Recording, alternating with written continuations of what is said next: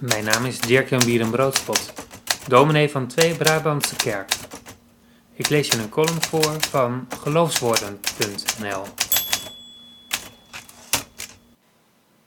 Hij woont in tenten. Soms slaat de schrik me wat om het hart en zou ik even in een glazen bol willen kijken, zoals naar de persconferentie van afgelopen week.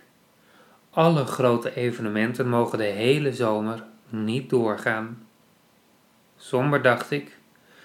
De campings blijven dit jaar waarschijnlijk ook voor ons gesloten. Nu al zie ik op veel plaatsen de tent dan maar in de tuin. De meivakantie met kinderen is immers leuker om het net even wat anders te doen. Wie weet volgen we in de zomer dat voorbeeld. Elke dag een rondje fietsen en s'avonds dan maar gewoon in eigen tuin de tent opzetten. Ergens vrees ik dat we dat ook met de kerk moeten doen. We zullen nog wel een tijdje afstand moeten houden van elkaar.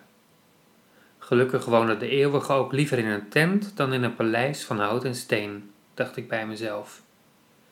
De eeuwige als God van bevrijding was er een van voortdurende beweging, elke dag maar weer verder trekkend met een volk dat moeite had om dat slavenjuk van het verleden af te werpen.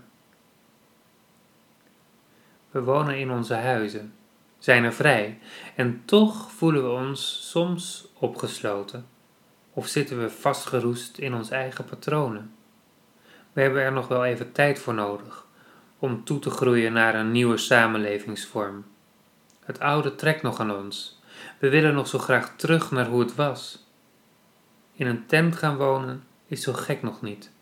Straks misschien ergens anders samenkomen ook niet. Veranderen vraagt om in beweging komen.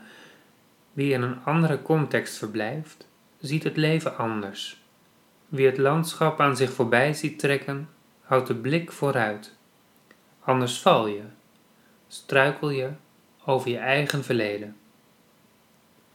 Je hoeft er trouwens niet voor in een tent te gaan slapen.